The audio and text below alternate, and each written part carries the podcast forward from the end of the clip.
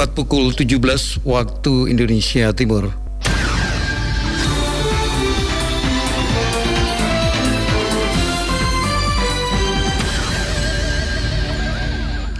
Radio Republik Indonesia Fakfak menyampaikan warta berita daerah. Vaksin COVID datang di Fakfak hari ini Sabtu tanggal 30 Januari 2021 pada jam 08.00 dari Sorong dan tiba di Fakfak sekitar jam 8 pagi.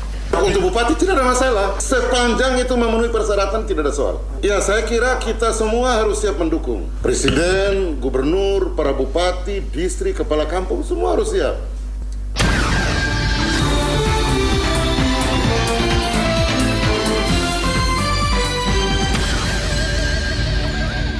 Selamat sore, kami sampaikan sari berita. Sebanyak 1.920 dos vaksin COVID-19 pagi tadi tiba di Kabupaten Fakfak menggunakan pesawat Wings Air dengan nomor penerbangan IW1510 dikawal dua anggota Brimob Manokwari, Polda, Papua Barat. Bupati Fakfak Muhammad Uswanas mengaku siap sebagai tokoh daerah menerima suntikan vaksin coronavirus 2019 COVID-19 tahap pertama. Itulah berita utama edisi hari ini selengkapnya bersama saya, Emsen Lamonca.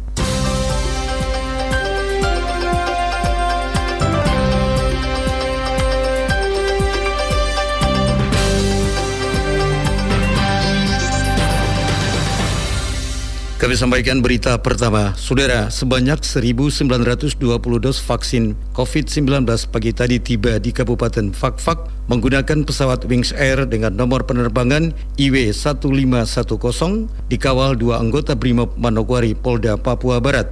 Pantauan RRI setelah tiba di bandara, vaksin dimasukkan ke dalam mobil box Dinas Kesehatan Kabupaten Fakfak, kemudian menuju ke tempat penyimpanan, yakni gudang Dinas Kesehatan, dikawal aparat gabungan terdiri dari Patwal Satlantas, personil Sabhara Polres Fakfak, Kodim 1803 Fakfak, setibanya di kantor Dinas Kesehatan dilakukan penyerahan berita acara vaksin COVID-19 dari perwakilan Dinas Kesehatan Provinsi Papua Barat kepada Kepala Dinas Kesehatan Kabupaten Fakfak Gondo Suprapto. Setelah penyerahan, satu koli berisi 1.920 vaksin dibawa ke gudang Dinas Kesehatan Kabupaten Fakfak dan satu persatu dosis vaksin dikeluarkan untuk dimasukkan ke dalam refrigerator atau pendingin dengan kenormalan suhu 10 derajat Celcius. Vaksin COVID-19 tahap pertama ini akan diberikan kepada tenaga kesehatan setelah pencanangan oleh Bupati Muhammad Uswanas di Puskesmas Fakfak Tengah,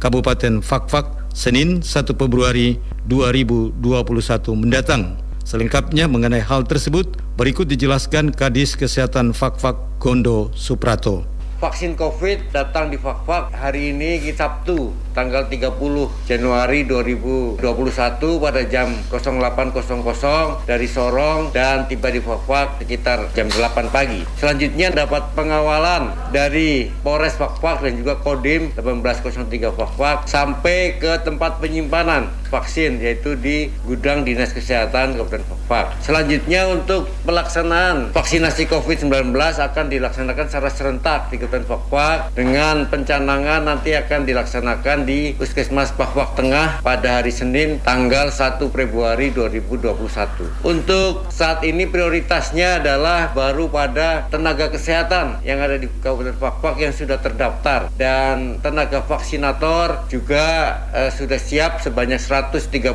orang yang terdiri dari dokter, perawat dan juga bidan. Selanjutnya untuk penyimpanan, penyimpanan kita sudah ada di tingkat kabupaten sebanyak 6 buah cold chain dan juga di setiap puskesmas. Pelaksanaan di tingkat puskesmas akan dilaksanakan di masing-masing puskesmas nanti menyesuaikan jadwal yang ada dan semuanya nanti sesuai dengan SOP yang sudah ditetapkan dan persyaratan-persyaratan yang sudah ada terkait dengan siapa yang akan divaksin duluan oleh petugas-petugas kesehatan kita di Kabupaten Fakfak untuk nanti launching ataupun pelaksanaan e, pencanangan COVID-19, Pak Bupati sudah bersedia siap untuk divaksin dan nanti diikuti dengan beberapa tokoh dan juga ketua-ketua e, organisasi profesi yang ada di Kabupaten Fakfak dan juga nakes dilanjutkan dengan tenaga kesehatan yang ada di Kabupaten Fakfak selama kurang lebih satu bulan ke depan. Diharapkan target dari 1024 tenaga kesehatan akan divaksin semua bila memenuhi persyaratan yang ada. Mungkin itu saja dapat saya sampaikan sementara dari persiapan pelaksanaan vaksinasi COVID-19 di Kabupaten Fakfak.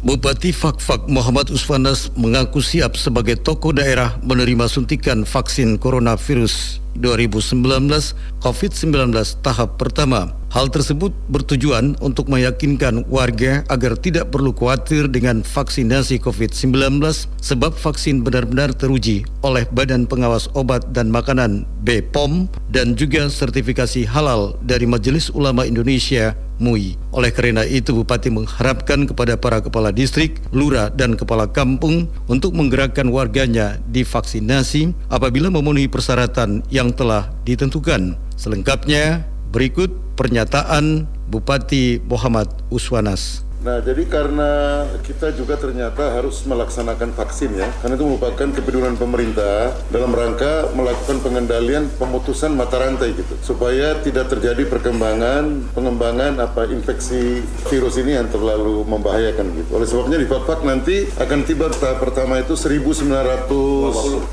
dosis ya.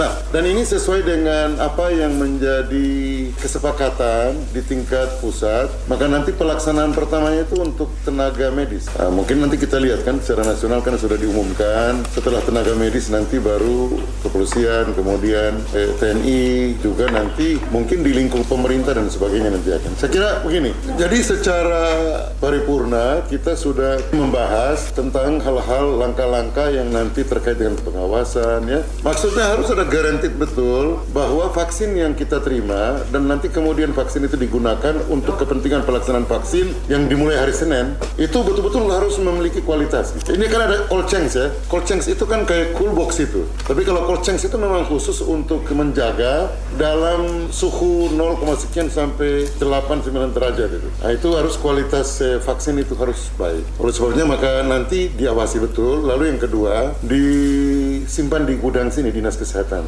Nah, pelaksanaan kegiatannya nanti itu tentu nanti kan ada beberapa sistem yang muncul di situ. Katakan seperti ada tim kedokteran yang dipimpin oleh beberapa dokter dan juga medis untuk memantau mulai dari proses orang itu dilakukan pemeriksaan untuk memenuhi persyaratan atau tidak itu kan ada tahap itu. Sampai pelaksanaan kemudian dijaga selama 30 menit bahkan sampai 24 jam untuk memastikan bahwa yang bersangkutan itu aman. Satu orang hanya mendapatkan satu dosis itu 0,5 mili ya. Sedikit sekali. Jadi wartawan tidak boleh takut. Kalau wartawan takut bagaimana rakyat nah jadi sedikit sekali itu. Masuk langsung selesai.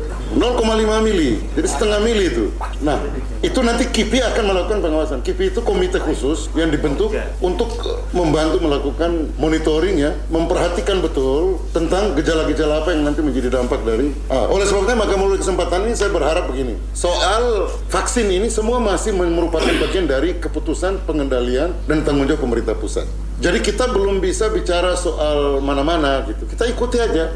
Kebetulan secara proporsi kita diberikan baru tahap pertama 1,9 sekian, artinya 1920 ya. Nanti tahap kedua kan 14 hari harus ada tahap kedua lagi kan.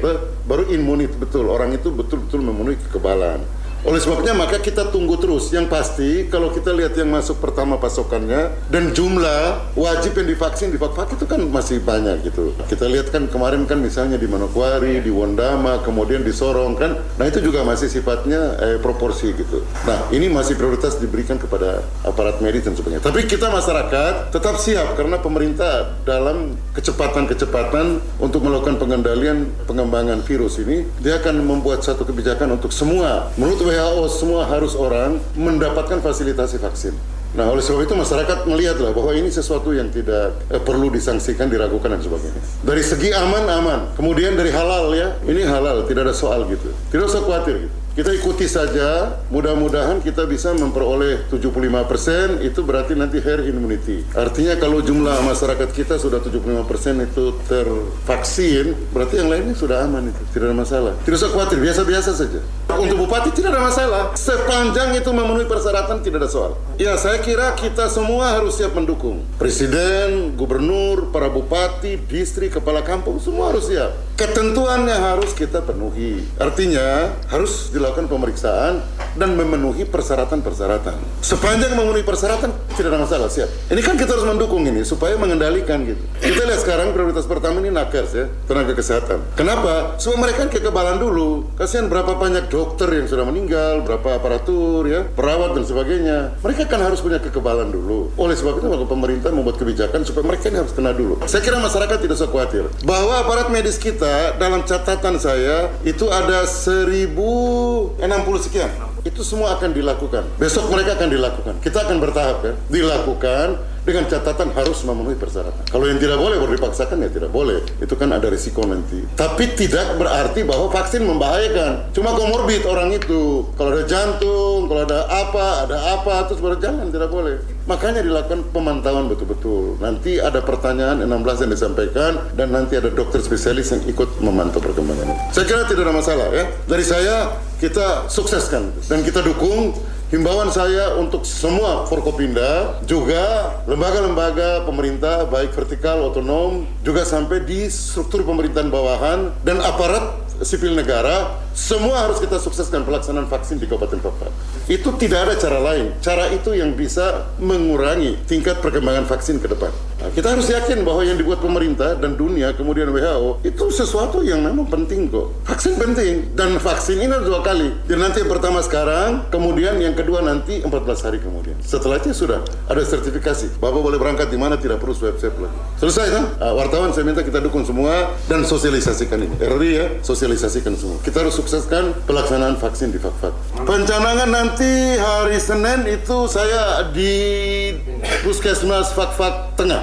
Kalau di tempat-tempat lain bupati nanti ada wakil bupati di kota di kemudian sekda nanti di sekban, uh, bupatinya nanti di apa Fakfak Tengah. Kita bawa aja ke kampung.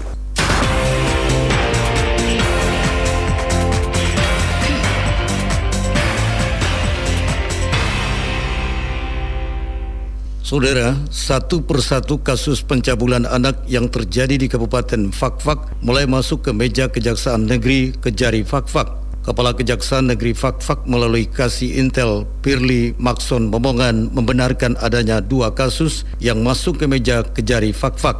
Diungkapkan ada dua kasus pencabulan telah masuk tahap dua yaitu kasus pencabulan anak di bawah umur di distrik Fakfak Tengah dan satu kasus di distrik Fakfak dilimpahkan tersangka dan barang bukti dari penyidik Polres Fakfak ke kejaksaan. Setelah penyerahan tahap dua ini, menurut Pirli, jaksa akan meneliti berkas perkara tersebut dan jika berkas dinyatakan lengkap, maka jaksa akan segera melimpahkan ke pengadilan untuk diadili. Hal senada disampaikan Kasih Intel dan Kasih Pidum Kejaksaan Negeri Fakfak Petra Wonda SH. Menurutnya, apabila barang bukti detik formil maupun materialnya sudah memenuhi, maka dilimpahkan ke pengadilan untuk menentukan hari dan tanggal sidang. Namun apabila delik formil dan materialnya belum memenuhi, maka bisa perpanjang masa penahanan tersangka untuk melengkapinya. Dari kedua kasus tersebut, kedua tersangka disangkakan pasal 76D Jumto pasal 81 ayat 1 dan 2 Undang-Undang Republik Indonesia nomor 17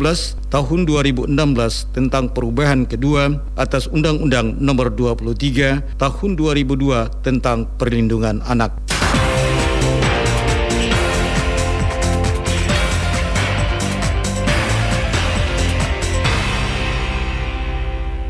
Warta berita daerah ini tengah disiarkan Radio Republik Indonesia Fakfak. Saudara, kondisi dermaga pelabuhan Fakfak Papua yang dibangun sejak tahun 1980 sudah mengkhawatirkan untuk dipakai lagi. Karena itu PT Pelindo 4 cabang Fakfak tengah melakukan pembangunan dermaga baru sebagai penggantinya.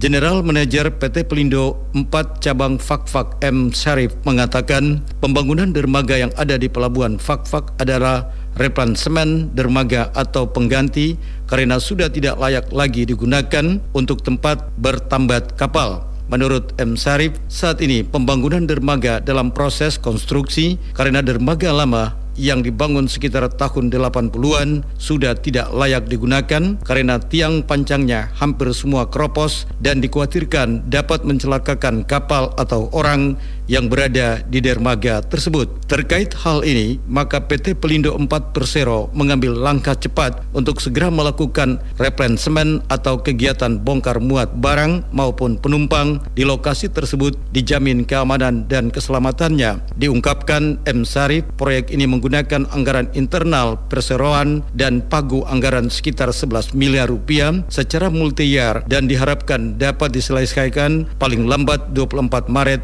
2020. 2021. Sarif menambahkan adanya pandemi COVID-19 yang melanda dunia saat ini juga berefek pada kelancaran transportasi material yang dibutuhkan sehingga pelaksanaan proyek kesulitan untuk melakukan mobilisasi material dan peralatan. Pembangunan dermaga tersebut diharapkan dapat selesai secepatnya sesuai kontrak agar segera dioperasikan oleh Pelindo cabang Fakfak untuk menjamin kelangsungan dan kelancaran kegiatan bongkar muat yang ada di pelabuhan.